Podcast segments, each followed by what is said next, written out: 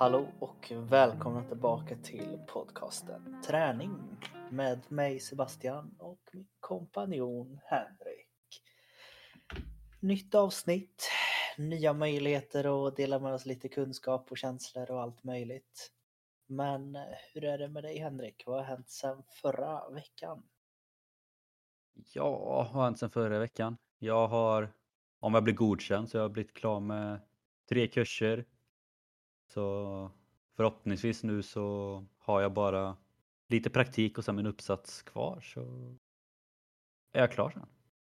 Kul. Så det är väl, det är väl typ det som har hänt. Jag var väldigt fullspäckat förra veckan så att eh, det har varit ganska ganska lugnt och kunnat slappna av lite. Men å andra sidan så idag börjar vi ju med uppsatsen så det är, så här, det är snabba puckar ändå. Mm, skönt att det går framåt när man säger att man är klar med det. Ja, men det går ju så sjukt fort. Visserligen så var det bara ett år extra, men liksom halva har ju redan gått. Så att, men, ja, det. Själv då? Du har ju varit iväg lite förra veckan. Ja, det var förra veckan. Försöker Ja. tänka mig bort. Varit iväg, gjort lite tester till polis. Vet inte hur man ska tolka resultaten. Jag har försökt intala mig att det på ett sätt kan vara positivt. Även om det inte känns så. Eh, Jag åkte på testerna och misslyckades på att jag är allergisk kan man väl säga. Ja. Vet inte hur mycket vi går in på det. Men det jag försöker se positivt är väl att när man tänker efter efterhand så förstår man väl att även om inte jag upplever att jag är superallergisk så kanske det är ändå så bra att jag går igenom den här behandlingen och faktiskt kan vara ute en hel dag liksom utan att faktiskt få besväret av det. Där får man se liksom också att på ett sätt kanske det också är lite skönt att alltså även om det är tråkigt att åka på en sån grej så klarar du ju ändå det Ja. innan. eller? Ja, jag klarar ju det innan och det, det, det är bra. Jag förstår dem. Eh, Men där och då är det inte så. är det inte lätt att ta in. Nej, man kan inte säga att jag har haft ett jättebra nytt år faktiskt. Nej. Åker dit, tyvärr misslyckas, försöker se positivt. Direkt när man kommer hem så blir man positiv för corona. Så nu är jag inlåst i min lägenhet här. Ja, Du ju knappt på att komma hem för det första heller. Ja, till och med det liksom. Som vanligt tågbesvär. Plus den här nu då. Så nu sitter jag instängd här med feber. Har lite svårt att lyckas med alla mina mål jag haft. Men eh, sen så är det ändå så positivt och för jag ser det ju så här att jag är fortfarande hållit där du vet att jag ska träna ett pass per dag. Eller vara Mm. igång ett pass per dag. Det har jag hållit även om jag är sjuk. Men det har ju mer blivit att jag har ju kört extremt mycket rörlighet. Så det är ju kul. Jag är ganska är rörlig nu. Jag är ganska rörlig nu ändå. Väl inte, jag är inte rörlig men jag är rörligare. Men det är, det är liksom så här, det, är så, det känns att hålla rätt i och kosten sitter jättebra så det ger mig väl fokus på det antar jag. Sen är det också att jag, jag är en person som tror på karma och med tanke på vilken pissvecka du har haft förra veckan och den här veckan så tror jag att 2022 kommer bli ditt år. Ja, jag hoppas det. Det kommer det säkert bli. Det tror jag.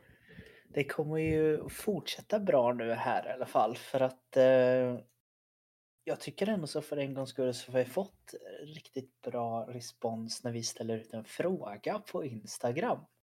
Och det är ju faktiskt vad dagens eh, avsnitt ska handla om. Vi drar tillbaka till något väldigt gammalt som vi gjorde tidigt i början. Nu minns jag inte. Det, det var avsnitt 15 där som jag ser det som vi gjorde ett, en qa avsnitt senast. Så Var det ju så gått- länge sedan? Ja, jag tror det. Oj jäklar. Så det, det har ju gått ett tag sedan men nu är tanken då att vi ska ta tag i det här igen och göra en Q&A, alltså question and answers. Där vi frågar er lyssnare om frågor som ni kanske tänker på. Och denna gången så var vi ganska öppna. Eh, vi skrev skriv och fråga vad ni vill om träning och kost, även hälsa då. Så vi fick faktiskt in eh, rätt många eh, roliga frågor och lite annat. Så det tackar vi så mycket för, ni som skickade in det. Och eh, det är väl det det går ut på idag, att vi ska försöka svara på de här frågorna. Eh, vi har tagit ut några av dem som vi kommer att ha med. För att vara exakt så är eh, fem stycken frågor. Varutav en av dem kommer nog också leda till ett helt eget avsnitt för sig själv. För vi tyckte att det var en, en sån fråga som kanske inte riktigt går att besvara med bara några meningar. Men vi ska självklart svara på den frågan idag och men sen så ska vi göra ett helt eget avsnitt för det. Och det är det som är lite kul också sagt när vi får in frågor att det också kan ge lite idéer att vi kan köra hela avsnitt om vissa frågor också. Mm. När vi känner att det blir lite mer forskningsmässigt som vi måste ta reda på. Eh, för det är ju så att även om vi har viss kunskap i huvudet så har vi inte allt fresh. Och det kan jag faktiskt vara säker på att tala för oss båda. Men eh, så det gäller ibland att vi behöver läsa på lite extra för det ger det bästa svaret både från våra personliga erfarenheter men även faktiskt vad som är nytt och senast inom forskningsvärlden så att det ska bli så korrekt som möjligt. Exakt. Och det är väl det som det kommer bli idag. Vi ska vara tydliga med att det här kommer bli en blandning mellan både eh, lite personliga åsikter och tankar men även lite forskning faktiskt. Eh, så ni får vara med på det.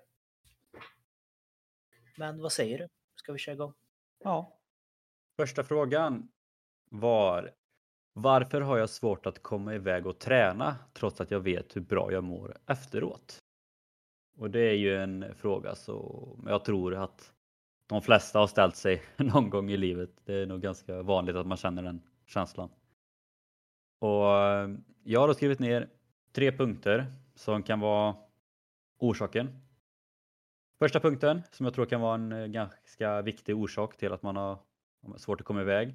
är lite som jag pratat om på vårt nyårsavsnitt just det här med mål och målsättningar och motivation och liknande. Att om man inte har en riktig, en riktig målsättning eller en riktig motivation till att veta varför man tränar så kan det vara svårt att motivera sig själv och komma iväg.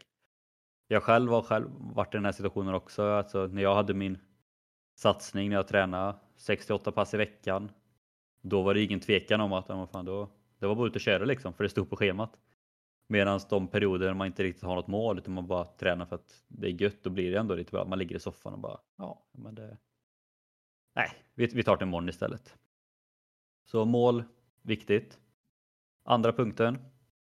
kan vara väldigt psykologiskt. Eh, även om man vet att man mår bra efteråt så kan det vara att man ändå kopplar viss träning till negativa upplevelser.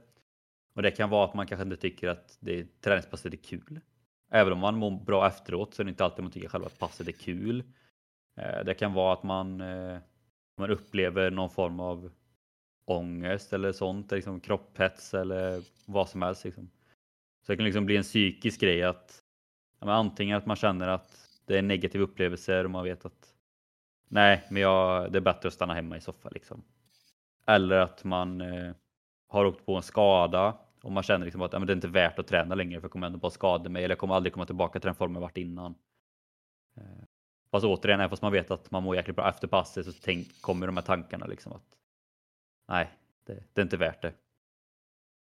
Och tredje punkten är att kroppen är ju väldigt, jag vet inte vad jag ska säga men den anpassar sig under väldigt kort tid vilket gör att kroppen vill ha det så bekvämt och vad som känns bra just nu. Så ligger man i soffan och chillar och vilar liksom efter en arbetsdag så tänker kroppen att jäklar vad gött att chilla här nu. Och när man tränar så tänker kroppen kanske bara att det var rätt gött att komma iväg och träna ändå liksom. Så att det är just det, för jag tror de flesta vet det också, liksom att när man väl kommer iväg och tränar så är man glad att man kom dit. Och sen så är det gött att komma tillbaka till soffan sen. Medan kroppen och huvudet är liksom att man, men, ja, men det, funkar, det funkar bra att ligga här, vi behöver inte åka iväg. Det är samma sak när man äter bara, men det var gött att käka nu. Även fast man kanske inte var så sugen på att laga mat. Liksom. Så att, kroppen vill det som känns väldigt bra just nu.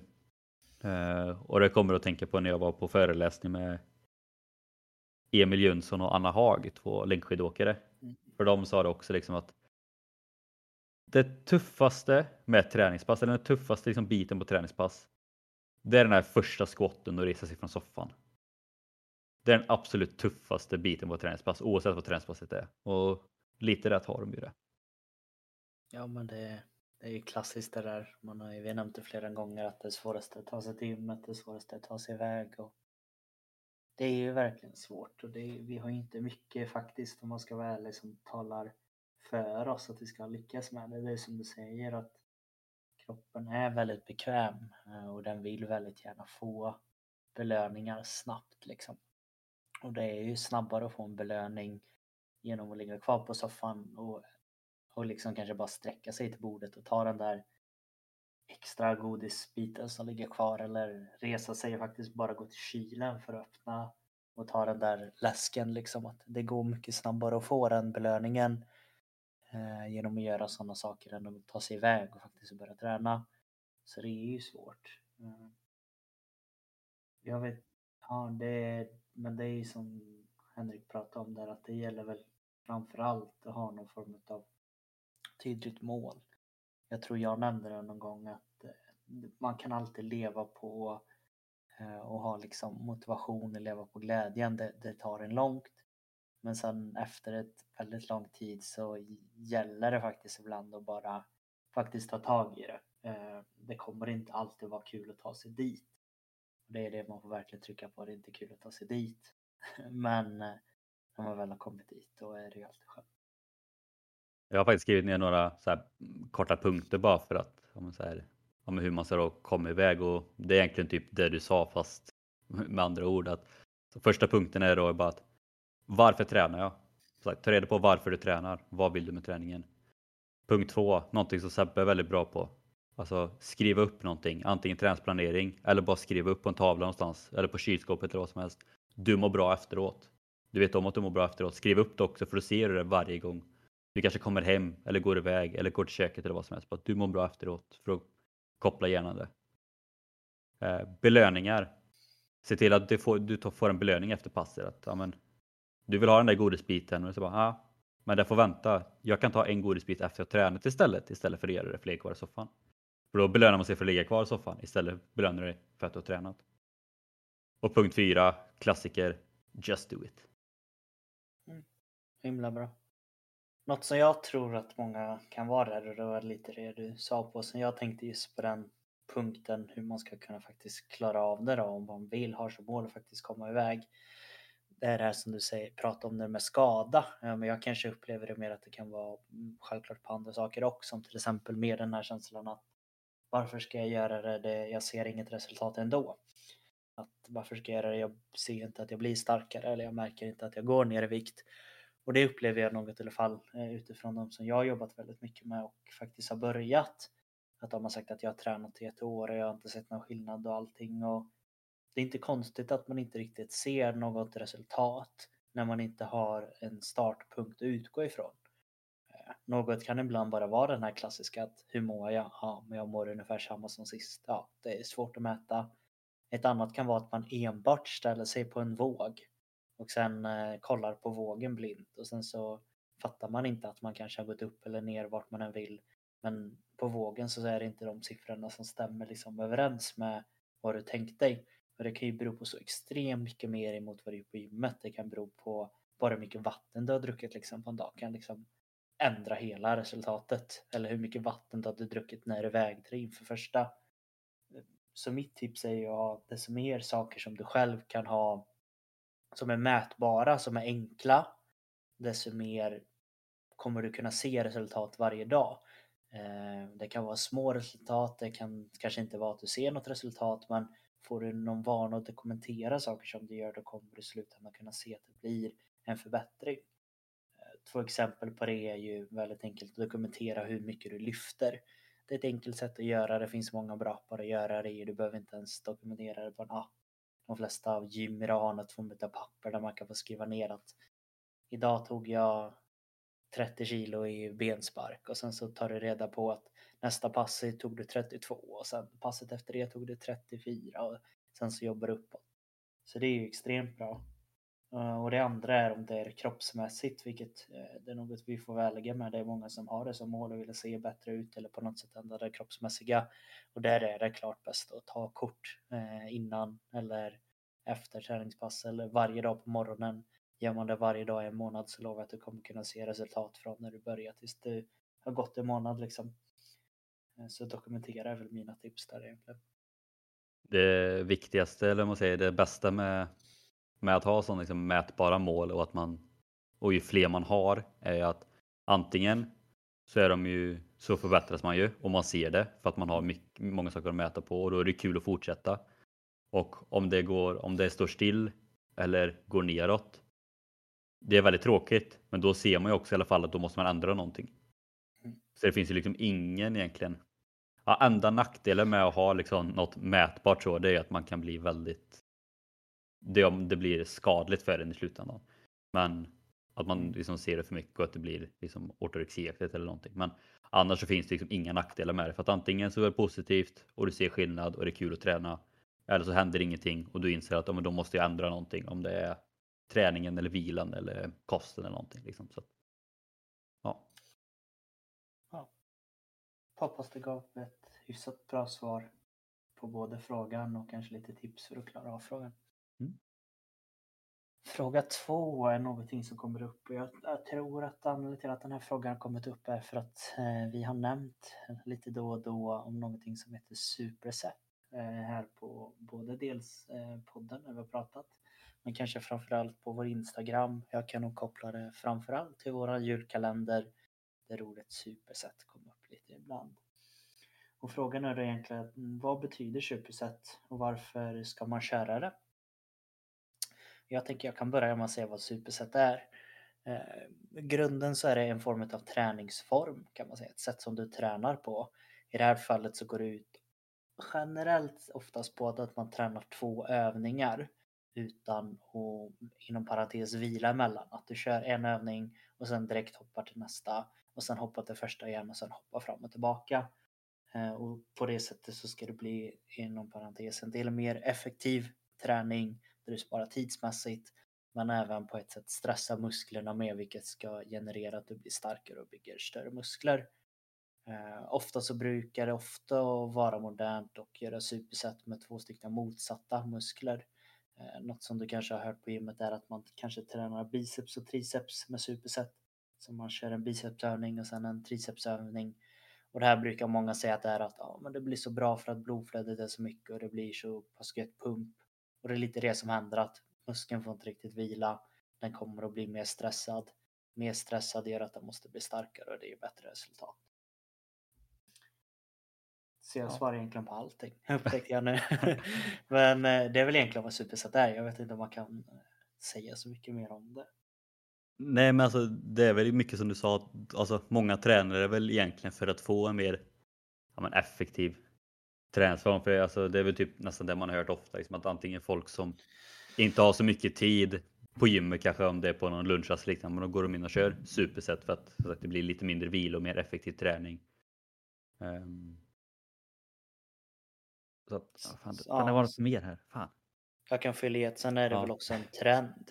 Att det har väldigt länge blivit en trend inom bygg, byggvärlden, alltså fitnessvärlden, när man ska bygga muskler så stort som möjligt. Att fler utav eh, kända namn, både kring old school byggning, eh, väldigt känd kring det, eller i Arnold på gamla tiden. Han, på Golds gym där så pratade han hela tiden om superset, superset. Och det var ju för att han skulle kunna göra så många övningar som möjligt på så kort tid som möjligt för att kunna liksom maximera antalet ton som det faktiskt blir han lyfter på en dag för armar, axlar och vad det än är liksom. Eh, Så det är väl det. Därför det är så inne. Och en andra grej jag tänkte säga också att det är också väldigt många som tycker att det är så jäkla tråkigt att vila på gymmet. Så att de, liksom, de ofta kör för kort vila så det blir att de kör tungt och sen för kort vila och så vill de ha på det igen för att de tycker det är så tråkigt att vila. Eh, men då kör man superset antingen med då antagonister eller med helt olika kroppsdelar eller vad man säger så blir det inte lika mycket vila utan då går man ju på och kör hela tiden. Och sen framförallt om man kör med olika, om till exempel om man kör superset med kanske en överkroppsövning en underkroppsövning så blir det att man kör med olika kroppsdelar vilket innebär att den ena kroppsdelen vilar ju när man kör andra kroppsdelen. Så att då kan man ändå köra på. Då, då vilar man samtidigt som man tränar en annan grej. Så att det kan även vara en bra grej för de som tycker sagt att det är, det är segt att vila på gym. Spara tid. Ja.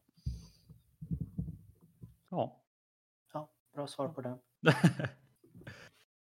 vi går vidare på nästa då. Det var ju den här stora frågan som vi tänkte att vi eventuellt skulle ta ett helt avsnitt om. Mm. Ehm, För ju, du fick ju en fråga där med, eller ganska stor fråga, jag vet inte exakt. Du kan väl dra den exakt bara så vi ändå får med. Ja, eh, lite mer exakt vad det var personen sa då. Eh, och vi kan väl säga nu än en gång innan vi drar igång med den att tanken är att vi ska svara lite kortare på den nu för att sedan kunna göra ett lite längre svar senare, för det var en så pass stor fråga. Eh, men frågan lät så här. Vilka rekommendationer gäller för mat innan och efter träning? Timing, mängd och tid. Så det personen vill ha reda på är alltså hur man ska tänka kring mat i samband med träning. Och jag Och det, tänk, ja, du kan säga det först. Så Ja. jag. nej men det svåra med, med just mat i samband med träning är ju att alltså maten under hela dagen påverkas ju eller man säger. Alltså oavsett om man tränar på morgonen eller på kvällen så blir maten under hela dagen viktig för själva träningspasset och det är, där, det är det som gör den här frågan så svår att svara kort på eller man säger. Ja, och sen självklart att det är eh, individuellt och det är väl Mm. det. Eh, många andra saker så kan det ju vara. Eh, med all form av mat så är det individuellt men det kan finnas grundrekommendationer liksom. Och det är väl det vi ska försöka att lägga lite. Men jag tänker innan vi svarar på frågan så tänker jag tipsa eh, om två stycken eh, avsnitt innan som egentligen rör de här, den här frågan väldigt, väldigt bra. Eh, du har egentligen svar på din fråga om du lyssnar på bägge de två. Men sen så kommer du få ett ännu bättre svar på nästa avsnitt vi gör. Eh, men den första eh, som du kan gå in och lyssna lite på är egentligen vårt senaste avsnitt. Eh, avsnitt 41. Som är det viktigaste du behöver veta om protein och träning. Där får du en hel eh, prat, alltså 48 minuter för att vara exakt just om protein innan och efter träning. Och sen så har vi även avsnitt 36 som handlar om kolhydrater innan, efter och under träning. Och det är 49, så där har du väldigt mycket info bara kunna lyssna om det. Men har vi något svar på denna frågan idag då Henrik?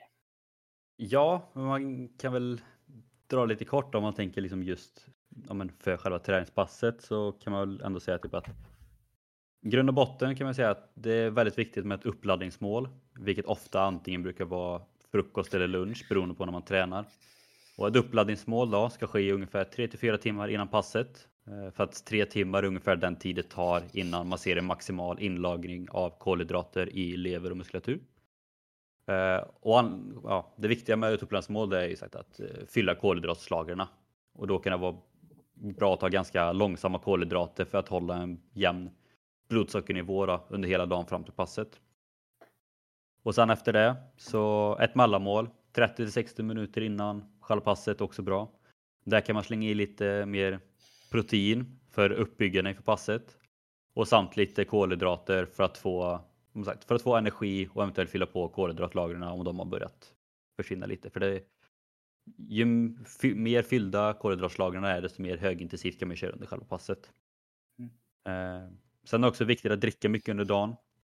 Hela dagen. Och sen under passet så ska man dricka ofta, men lite. Så att man liksom bara blöter ner munnen kan man säga. Och sen efter passet så återigen lite ett mellanmål eller någon smoothie eller liknande. Och, det, och samma sak där. Protein för muskelreparation. Eh, kolhydrater. Eh, det är kanske också lite mer snabbare i så fall för att direkt påbörja återhämtningsprocessen. Och även mycket vätska. De har tappat mycket under passet. Så det är väl ändå, och nu gav vi inte direkt några exakt på vad man ska äta men där får man ändå i alla fall en liten blick på ungefär tid innan, efter och lite vad, vilka ämnen man ska få i sig. Ja, och fortsätter man att se lite mer just det här med tajmingen. Eh, jag kommer nog att säga i princip samma som vi sa när vi pratade om protein i samband med träning. Men i grunden så är det väl att man kan se hur man tänker just det här som man kanske hört. Det, det är det som man kanske går efter när man ställer en sån fråga här, liksom den maximala stimulerande effekten på syntesen när man ska liksom bygga upp muskler. Den brukar man säga att den ligger någonstans mellan att man ska få i sig 15 till 20 gram eh, per kilo kroppsvikt ungefär eh, direkt efter träningen för att kunna få just den maximala stimulerande effekten.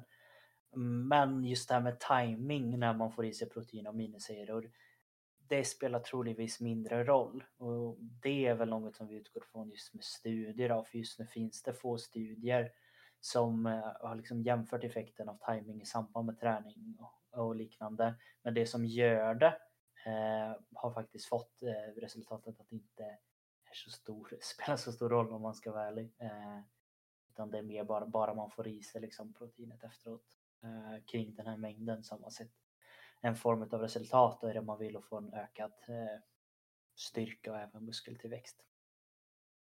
Ja, och sen kan vi också lägga till, precis som Sebastian sa där i början, att det här är väldigt individuellt och det är olika för alla. Men, och sen så länge man håller sig liksom på ett motionsnivå och man bara så här, tränar lite då och då så ja, då är det viktigt att ändå att man kommer iväg och tränar och att man lyckas behålla energi. Sen liksom exakt hur mycket man ska äta av allting och vilka tider och allt sånt, det kanske inte det underlättar ju men så det, sagt, på en motionsnivå så kanske inte det alltid är liksom det, det viktigaste. Att verkligen försöka få på timman och minuten. Utan det går nog att träna ändå.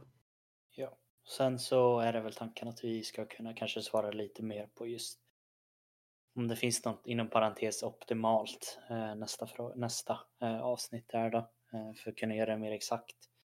Det enda som skulle egentligen skulle kunna komplettera lite med just kring den här frågan är väl faktiskt under själva träningspasset.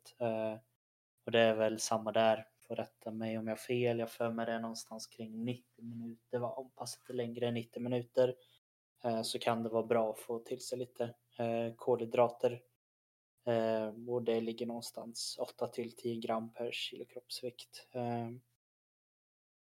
men det är liksom samma där att det, då ska det vara över 90 minuter och då är det där så kanske lite mer om långdistans och liknande.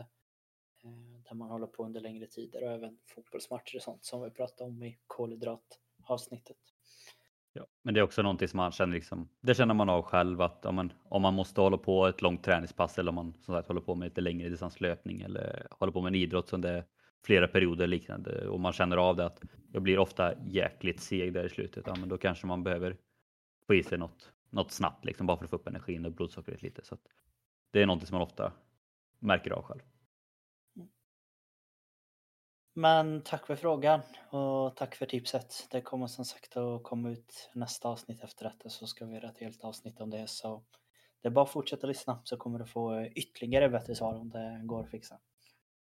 Det är ändå lite kul nu för nu börjar man märka med sagt, eftersom vi har släppt så många avsnitt också att men bara att vi kan rekommendera till tidigare avsnitt. Det känns som att det, det börjar liksom bli lite som ett pussel nu. Man bara sätter bit för bit man kan rekommendera ett andra bitar. Och liknande.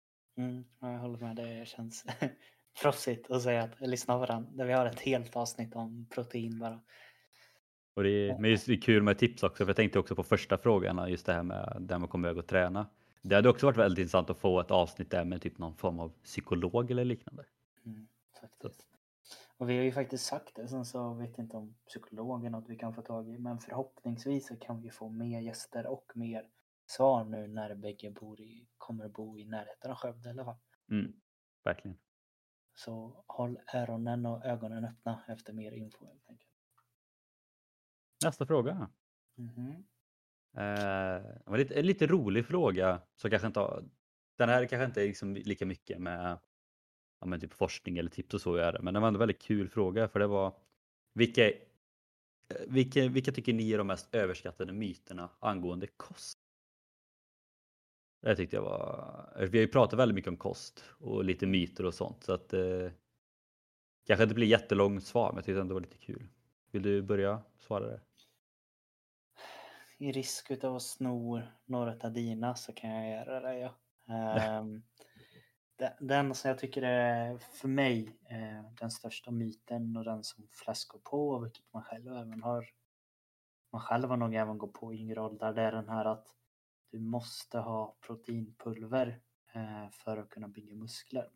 Eller för att kunna bli stark.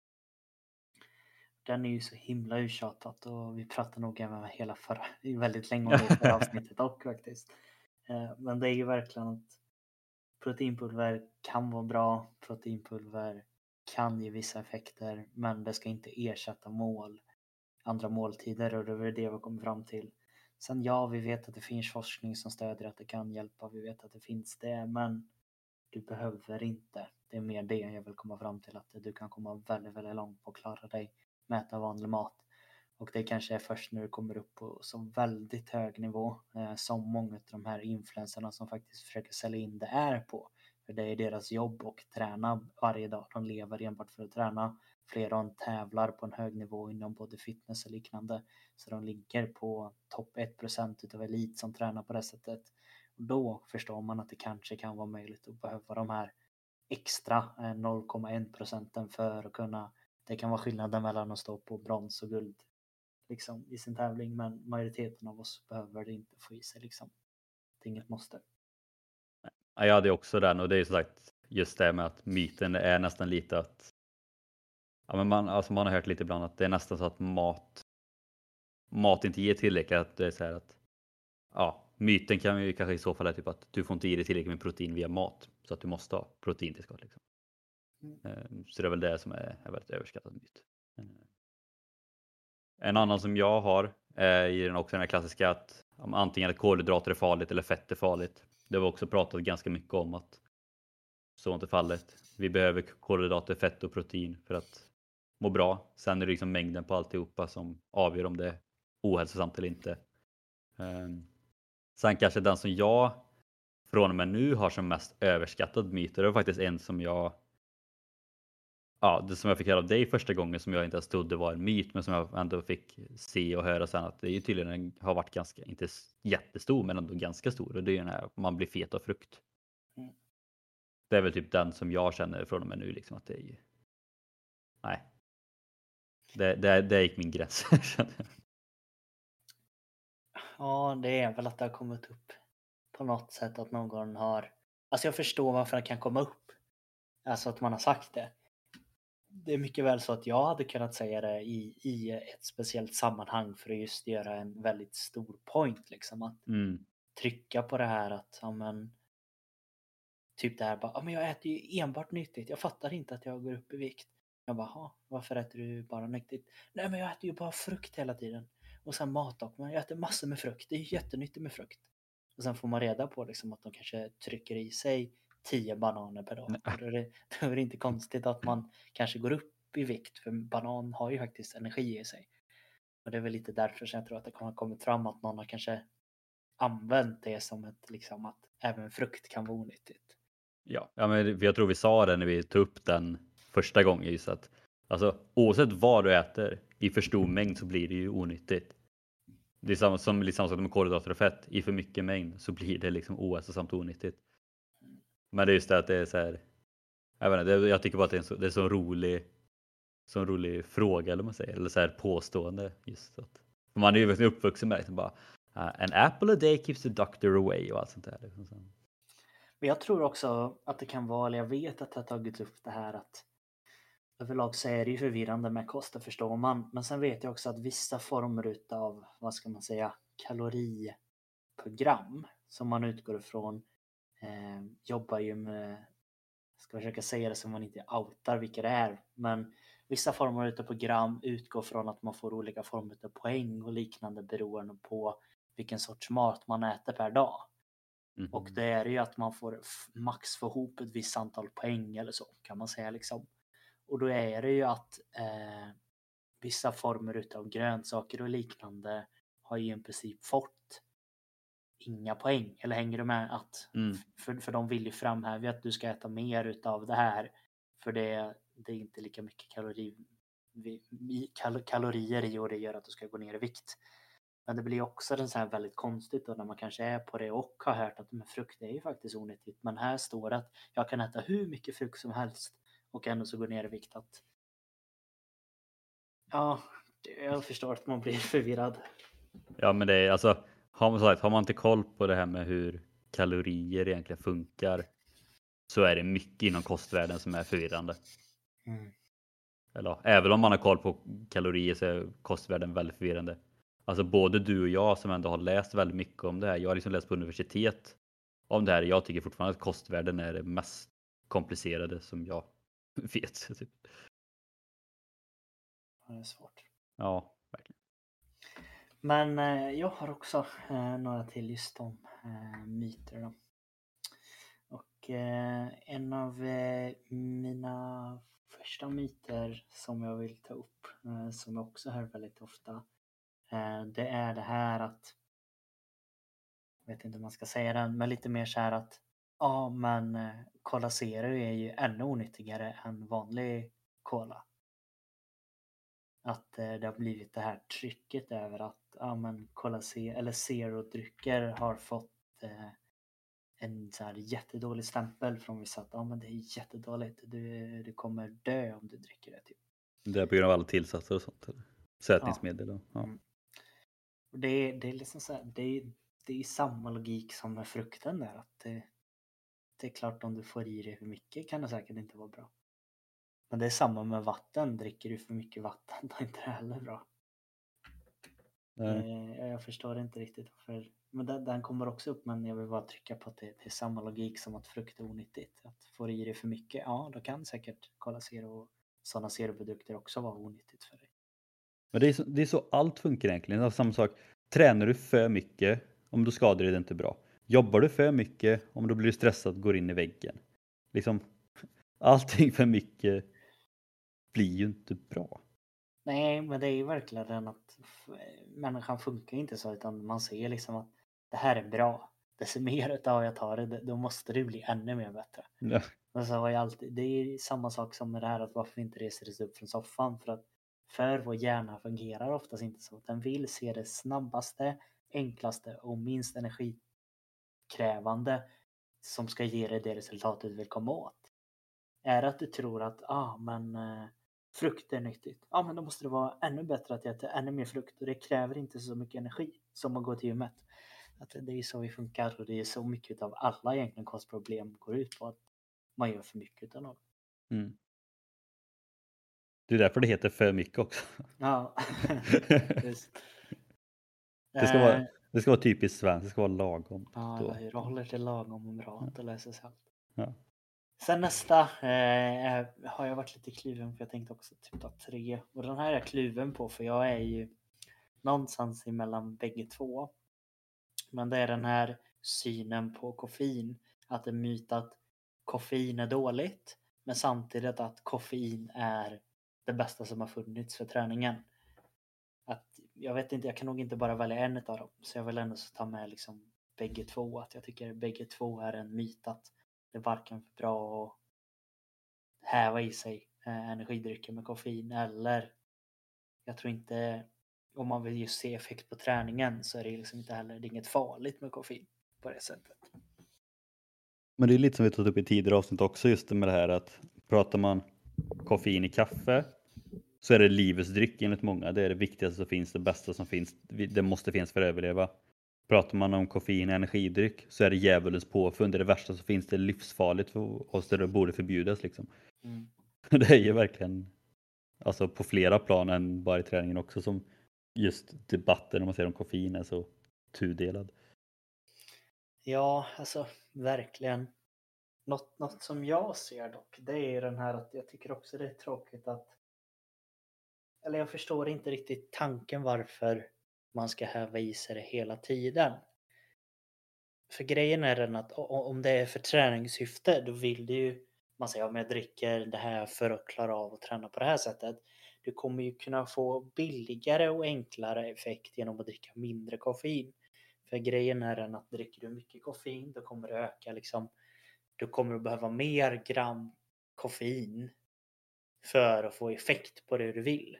Vilket betyder att till slut kommer det inte räcka med eh, att ta till exempel den här, vad ska man säga, energidrycken utan då kanske du måste ta två stycken koffeintabletter och på det sättet så får du den effekten som faktiskt finns. För det är väl det som krånglar till att eh, koffein är en av de få kosttillskott som faktiskt fick, finns äkta eh, forskningsbevis på att det kommer att göra att du presterar bättre under träning. Eh, men sen är det samma sak där att om du är helt emot kaffe, varför är det det? Det ger dig energin. Det är liksom gratis energi ifall du hade behövt det. Så ja, jag tycker det är svårt alltså. Jag är verkligen och... Sen så vet, tror jag att det kan vara ovanligt att man kanske är så mycket på bägge sidorna som gör eller hänger, nu vill inte jag låta speciell för det inte, men med det här att om man tänker skillnaden mellan dig och mig där är jag ju mer att du ser mer mig som att dricka koffein kan jag tänka mig. Alltså, Eller? alltså det är väl lite både och. Jag dricker ju typ lite mer så energidryck än vad du gör. Ja. Fast det är inte fast för min, för min del, jag tror att du är mer att du dricker saker för koffeinet. Ja. Det är, jag dricker inte energidryck för koffeinet, jag dricker för att jag i så fall tycker det är gott. Så att så sätt så är det väl, jag kanske, jag kanske dricker mer typ energidryck än vad du gör. Men jag tror att du, alltså du vill få ut koffeinet mer än vad jag vill. Ja, med, med den effekten liksom. Ja, Men, men jämför man det med någon som dricker mycket energidryck. Då är jag liksom så här, det är, ingen, det är någon som bara, men du dricker ju inte ens. Som du säger liksom. Men frågar man någon som inte dricker koffein allt, då tycker de att jag dricker hur mycket som helst. Ja. Frågar man någon som dricker kaffe, då säger de att du dricker ju aldrig kaffe. Du är en så gammal gubbe, du vill inte ha kaffe efter tre liksom. Eh, och och det förstår jag, men det är ju för att jag har ju tvingat mig själv att komma till den här punkten att även om jag kanske vill ha koffein mer gånger, jag vill egentligen dricka kaffe så många gånger, jag vill dricka det här, då har jag mer kommit till en punkt som passar mig väldigt bra att jag kan ta koffein någon gång då och då när jag känner att jag behöver extra tryck i träningen för att få den här kicken av koffeinet som det faktiskt ger. Mm. Och sen har jag inte riktigt tillåtit mig själv att bli beroende av det. För det är faktiskt något man får faktiskt värde med sig att ni som dricker koffein varje dag, ni är beroende av någonting. Ni har ett beroende och sen så får man tolka det hur det vill, är det bra eller dåligt. Det går vi inte in på men that's the fact liksom.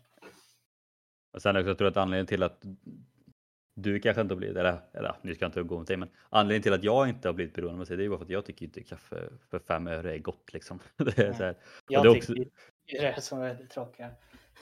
Men det är också lite kul för att ofta får man ju, det är också det som är så konstigt på ett sätt för att man får ju allt, alltså sen, sen man blev liksom, ja men egentligen innan 18 också, men så fort man kom ut på praktik och allt det där och började jobba och allting så har det, har det alltid varit sån hets på att man ska dricka kaffe. Jag vet på mitt sabbatsår där efter, efter studenten så blev det ju liksom en, så satte de upp en dag när jag skulle testa att dricka kaffe, gjorde ett Facebook-evenemang så att hela företaget skulle vara där när jag skulle dricka min kopp kaffe liksom. För att det var en så stor grej. Och det är så konstigt som sagt med, med sagt att alltså många som dricker kaffe på ett sätt är men typ bero, eller de är beroende för att även om om det, så här, det ska vara en kaffe till frukost eller två, det ska vara ett mellanmål och lunch eller efter lunch och allt sånt där. Och då är det också konstigt då att det är så många. För det är alltid vart man än kommer så är det så här, man vill ha en kopp kaffe. Det är ju det är en artighetsåtgärd i Sverige. Mm. Men det är också konstigt egentligen att man trycker på folk. Ja men Liksom. Det är ju det som många säger ibland och skämtar om att det, det är den, den enda accepterande drogen i vårt land. Det hade ju blivit himla stor skillnad om det hade blivit ja men ta den här jointen nu liksom. Kom igen, den är bra för dig, det lovar jag. Det är ingen som kommer på sig att säga så men att trycka i sig kaffe. Det, det gör man. Ja, det är så konstigt. För det är därför jag blev så chockad på min senaste arbetsintervju. För då fick jag också frågan, jag vill ha en kopp kaffe. Jag bara, nej jag dricker inte. Jag brukar alltid skämta också, jag har inte blivit så vuxen än. brukar jag säga. Jag bara, dricker du inte kaffe? Bra, börja aldrig. liksom. Och jag blev så chockad den gången, för det är typ första gången man får höra det. Liksom. Det- Men det är Ja. mer att jag, så här, det jag kommer fram till med den är att jag tycker det är en väldigt rolig debatt. det här med Ja, men det är det verkligen. Det- Speciellt när man har foten i bägge hörnen. Det är Ja. mer det att jag är verkligen för koffein om man ska säga så. Och jag är verkligen emot att man ska dricka mycket koffein för sömn och allting där. Eh, Så jag tycker det var en rolig. Du är ju så här, du är ändå smart på ett sätt för då kan du bara, du kan ju gå med på alla bra delar på båda sidorna. Ja, gör ju Sen säger sen, och sen säga nej till de dåliga sidorna. Så det vill säga, Ja. du, du tycker, allt som du tycker är bra liksom. Så Eller jag är bäst. Det är det jag tar med. Nästa fråga. Eh, men nästa fråga då, på tal om vad man har svårt och inte svårt med. Eh, så lyder denna frågan faktiskt. Den är vi mer kopplad till oss. Så vi tänker att vi hoppar ifrån lite det här med forskningsaktiga och kanske går lite mer till oss, bara vad vi tycker och tänker. Och eh, frågan lyder så här. Vad, vad har du står det, men jag säger ni, eh, för det är ju faktiskt till bägge. Eh, vad har ni svårast med, med eran hälsa? Och då är väl frågan egentligen så här att vad, vad kämpar vi mest med? Vad är det som inte flyter på superlätt i vår vardag med eh, allt som vi gör för vår hälsa? Ska jag börja? Det kan du få göra. Det är lite kul också, vi diskuterade innan om vi skulle ta med den här frågan eller inte och så bara, fan, fan. Det, här kan, det här kan ändå vara en in, intressant och typ ändå viktig fråga att prata om. Så vi bara, men vi, vi kör. Ja. Ehm, Och den här var både så här typ lätt men ändå svår på så sätt för att när man säger hälsa så är det ju så många delar som man kan plocka med. Men när jag började så här tänka lite så tänkte jag så här, men min fysiska hälsa, så här, men jag tränar den liksom ändå bra. Eh, jag har typ aldrig under hela mitt liv liksom varit, så här, varit sjuk. Jag är ju liksom jag har jättesvårt att bli sjuk, alltså även så små förkylningar och allting och liknande. Ja, men den är bra. Sen bara, men sömn. ja, ibland så är det sådär, men för mig så är det typ att i slutändan så blir det att ja, vissa dagar sover jag fruktansvärt dåligt, vissa sover jag väldigt bra. Så att det jag också pratade om i något avsnitt om sömn, liksom att alltså sett över en längre tid så jämnar det ut sig. Vilket i mitt fall då blir så ja men då, då är sömnen ändå helt okej. Och kosten, det är något jag kan bli bättre på, men jag har energi, jag mår bra, jag är frisk. Så jag anser väl också att min kost liksom är, ja, den är bra liksom. Det, det är inget som påverkar mig så sätt. Så att de två grejerna som jag egentligen kommit upp, det är liksom dels det sociala. Och det är inget som jag har haft problem med egentligen någon gång i mitt liv, utan det är något som kommer under corona nu. Just med det som märktes för mig då var, alltså jag är ju ganska introvert av mig, vilket innebär att jag har inte den det måste att träffa folk på så sätt, utan jag klarar mig ganska bra egentligen med att träffa folk i skolan som har liksom varit helt fine med, som träffat någon på fritiden lite då och då. Men det märkte man ju när vet du, coronan kom, hur viktigt det var att träffa folk i skolan eller på jobb liksom.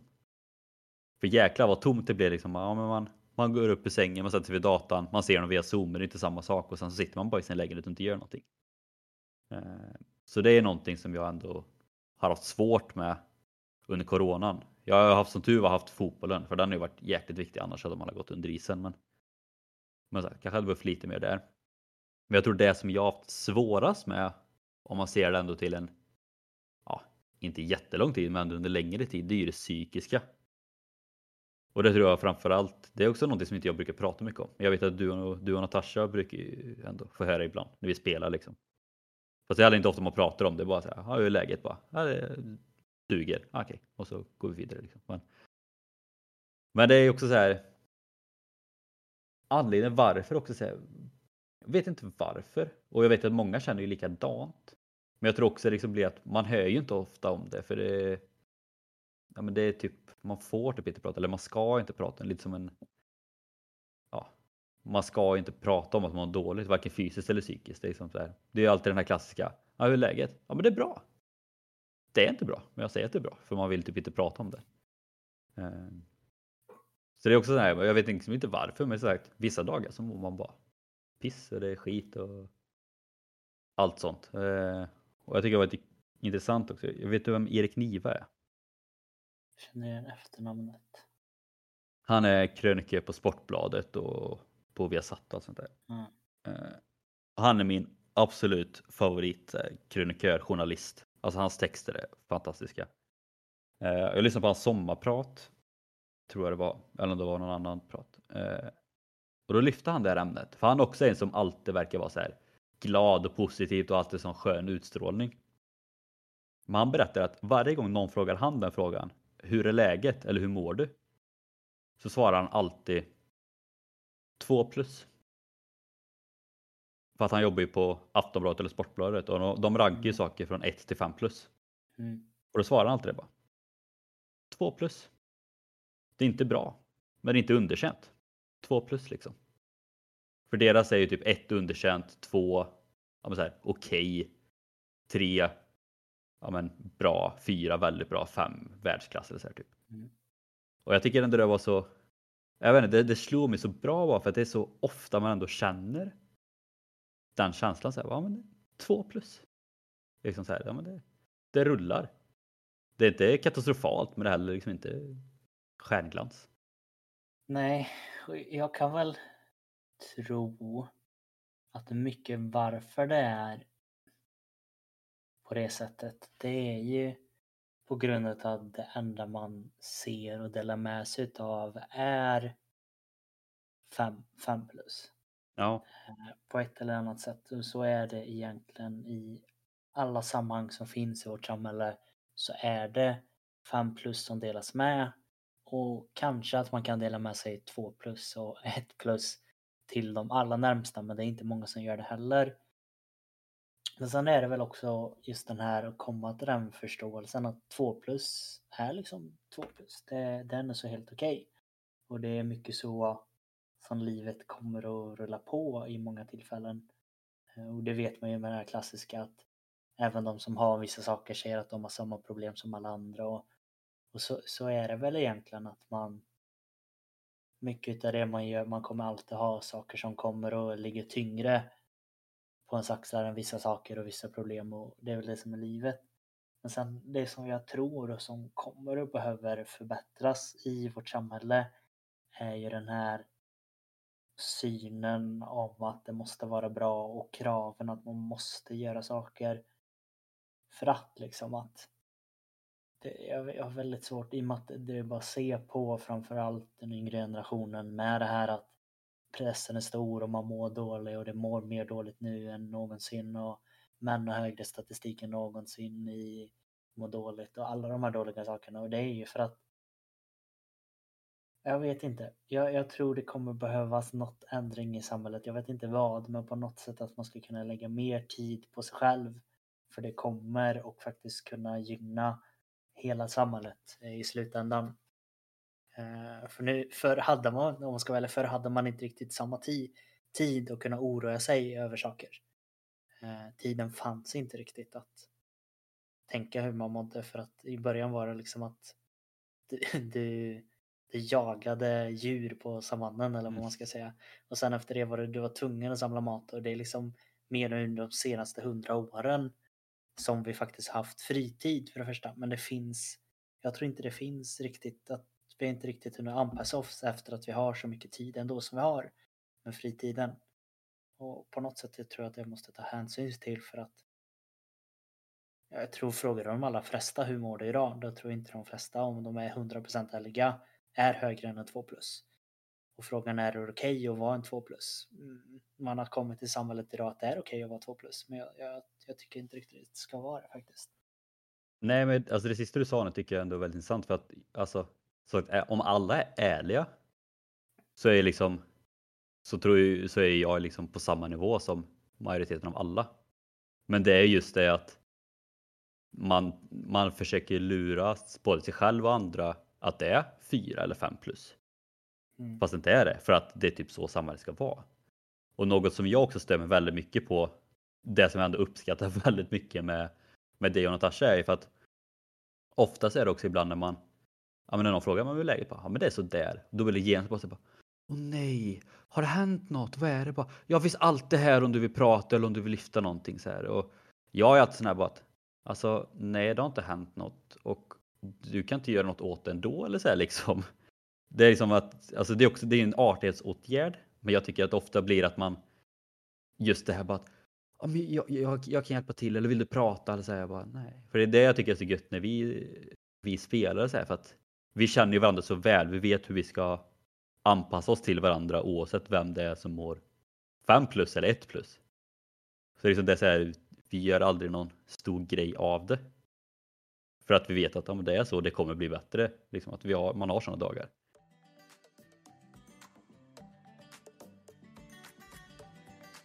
Men eh, ja, innan vi går över till dig så vill jag, bara- jag vill bara avsluta med ett citat som min eh, lärare i idrottspsykologi sa som jag också tycker är så jäkla klockrent. Som jag tycker att alla borde ta med sig oavsett om det är sömn ni har problem, med, om det är psykiska, fysiska eller vad, vad det än är eller om ni har ont någonstans eller så här. Att, för han tryckte på det här att den dagen du är symptomfri, alltså så här 100% frisk och välmående och mår bra. Eller vad man säger. Är du tyvärr, eller ja, den dagen du är symptomfri är du tyvärr också död. För han menar liksom på att vi kommer ju aldrig kunna, vi kommer aldrig vara hundraprocentiga. Aldrig. Det kommer alltid vara någonting som inte är på topp eller som inte funkar perfekt liksom. Så att sikta aldrig på att bli, man glömmer man ska sikta på att må, må så bra som möjligt och så här, men ställ, alltså, fokusera inte för mycket på om det är någon liten grej som inte är perfekt. För att vi kommer aldrig vara perfekta. Så att eh, ta med det. Den dagen du är symptomfri är du tyvärr också död. Ett litet eh, typ hårt citat men jag tycker att det är så jäkla klockrent. Öppna ditt hjärta. Eh, mitt är väl... Eh, det var svårt att komma på vad det skulle kunna vara.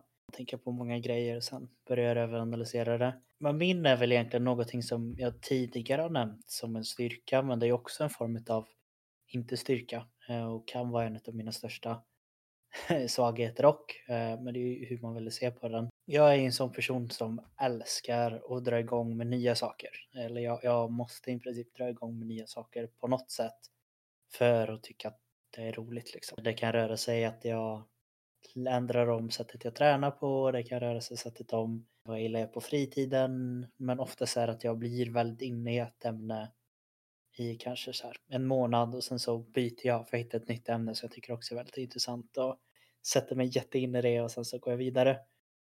Och det har jag ju sett lite som en fördel och det har jag ju sett som en, en styrka för att kunna fortsätta att träna. Till exempel, vilket det har varit liksom att när de andra kanske har kommit till det här klassiska att oh, jag tycker det är tråkigt att träna.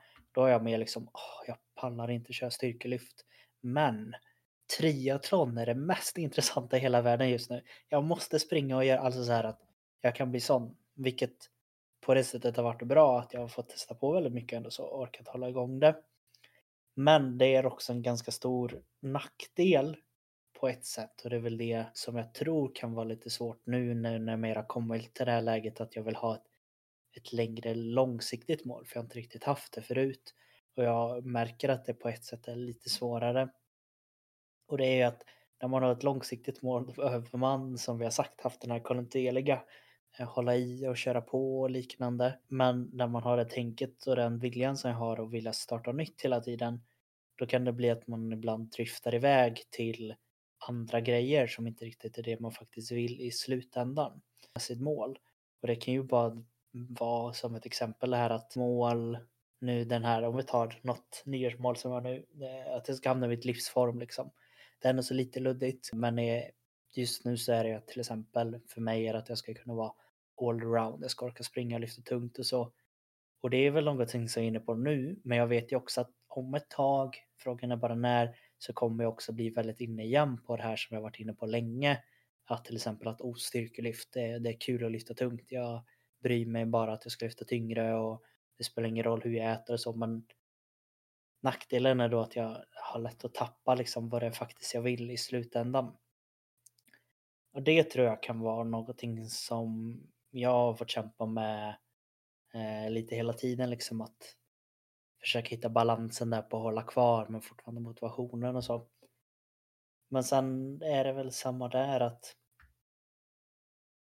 det, det är svårt att se om det är, det är det jag sagt, jag har sagt att det är min största styrka men samtidigt min största nackdel.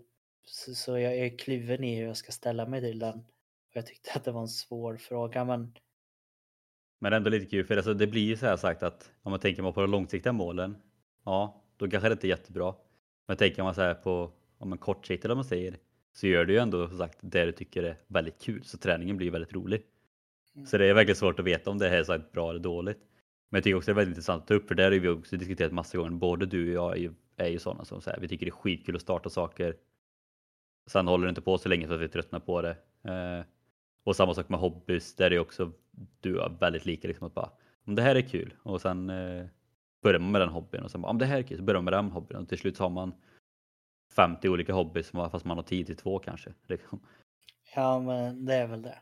Alltså så här optimala tror jag om jag ska vara helt ärlig är i alla fall för mig, nu talar jag inte för alla, men optimala för mig hade ju varit att jag fortsätter och jag är så som jag är för man kan aldrig ändra vem man är.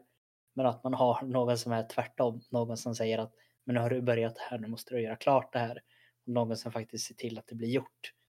Eh, för att det är, alltid, det är alltid kul att avsluta saker och på ett sätt, även om inte jag kanske har den här oh, jag måste avsluta känslan som jag vet att många har, att har jag påbörjat något måste jag bli klar med det. Det är inte riktigt samma för mig, att jag blir inte eh, riktigt lika nere kan jag tänka mig om jag inte klarar saker. För oftast har jag redan hittat tre, fyra nya saker som jag är ännu mer intresserad av. Men det hade varit jäkligt gött att faktiskt kunna vara den som faktiskt slutföljer eh, massor med olika saker. Så det hade varit optimalt att ha någon som stod bredvid en bara nej, du håller på med det här nu. App, app, app. Ja, men lite så. så vi får se om jag hittar någon som får bli den personen åt mig. Ja, det är inte jag i alla fall så att, eh, tyvärr. Nej, det är ingen jag umgås riktigt med tyvärr. Nej, men det har vi pratat lite om det tidigare också för just det här med också att vad är det bästa egentligen? Är det bästa att vara bra på mycket eller ska man vara världsbäst på en sak? Det är, alltså, det är lite samma sak. För jag har ju också det dilemmat. För jag tycker ju det är så mycket som är intressant. Och alltså, det är ju bara att kolla med typ det jag pluggar nu. Om jag säger bara, men vill jag jobba liksom mot mer fys eller vill jag jobba mer mot massage, anatomi, fysiologi eller vill jag jobba mer med mental träning och idrottspsykologi. Bara, jag vet inte, jag vill göra allt liksom. Det är samma sak med hobbys, bara så här, men vill jag hålla på med bara träning eller musik eller nu foto eller film? Och bara så, jag vet inte, jag vill göra allt. Men Mm. samtidigt så blir det ju i slutändan också så här att man hinner typ inte med någonting för att man har så mycket man vill göra och det blir också lite tråkigt på ett sätt. Så att jag är väl inte riktigt lika mycket som du är när det kommer till träningen så att jag testar mycket nytt. Jag är väl ändå ganska så här, jag testar lite nytt ibland, men du är ju väldigt mycket med så här, för du, har- du är med perioder. Samma sak, du hade en crossfit-period där du bara körde crossfit typ. Mm. Du hittar ju mer sådana och kör sådana perioder eller typ sådana här challenges och lite allt sånt där. Jag är med, jag testar någonting någon gång och sen går jag tillbaka till det gamla när det kommer till träning liksom. Men jag förstår verkligen vad du menar för det, det är verkligen det dilemmat också. Det sätter sig, det sätter sig så mycket i skallen tyvärr. Man börjar, man börjar nästan tänka lite för mycket istället för att bara köra på. Det är lite som Elise sa. Hon hade ju liksom sin grej. Sen hade hon ju typ en, en fun day eller vad hon kallar det på gymmet. Mm. Och det är väl kanske något mer sånt man ska sikta på i så fall. För då har man ju åtminstone någon dag när man gör något kul fast det påverkar i långa loppet egentligen inte målen typ, antar jag. Det är det. Men det är ju så med träning och hälsa för alla som vi pratat om och tagit upp. Då är det bara tanken att alla har ju någonting att jobba emot liksom. Vad som är det svåra för en. Eh, Kan vara att komma upp från soffan, kan vara att känna att man inte har energin idag för att eh, man är bara en plus två eller man står på gymmet och tittar på alla maskiner och alla hantlar och bestämmer sig inte vad man ska göra. Och för vissa Oavsett- kan det vara att komma till soffan. Ja, till soffan. Sant. Det kan vara himla rätt. Det får vi inte glömma. Det är viktigt. Men, men det är ju svårt som sagt och det, det var ändå så kul med flera olika frågor som faktiskt hela podden också går ut med på faktiskt om man ska koppla det till det här sista nu att era frågor och undringar som ni känner att det är svårt, eh, vad ni vill ha hjälp med för att kunna lägga in och implantera i ert liv för att kunna få det så enkelt och smidigt och att livets cirkel ska liksom rulla på. Eh, så försöker vi att hitta forskning och tips på hur ni ska klara i alla fall hälsodelen i livet med lite enklare i alla fall. Och vi hoppas att de här frågorna som vi valde att ta med idag kanske hjälpte några andra förutom de som ställde frågorna.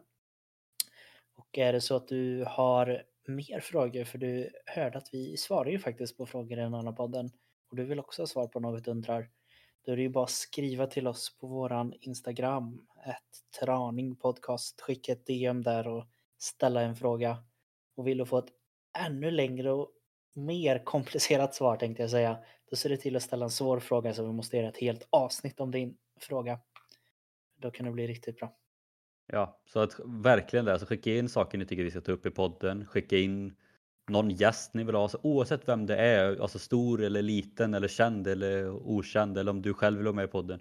Alltså tipsa, tipsa, tipsa, tipsa. Ju mer tips vi får in desto liksom lättare blir, blir det dels för oss men desto mer relevant blir det förhoppningsvis för er också. Att vi gör saker som ni vill ha.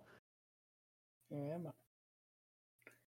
Och med de orden då så som vanligt vill vi tacka för oss. Påminna er om att rekommendera denna podden till någon vän, nära kära kamrat, eh, arbetskompis, kollega, vad som helst som ska lyssna på denna. Och eh, vi önskar er alla en fortsatt trevlig dag helt enkelt. Det gör vi. Ha det gött.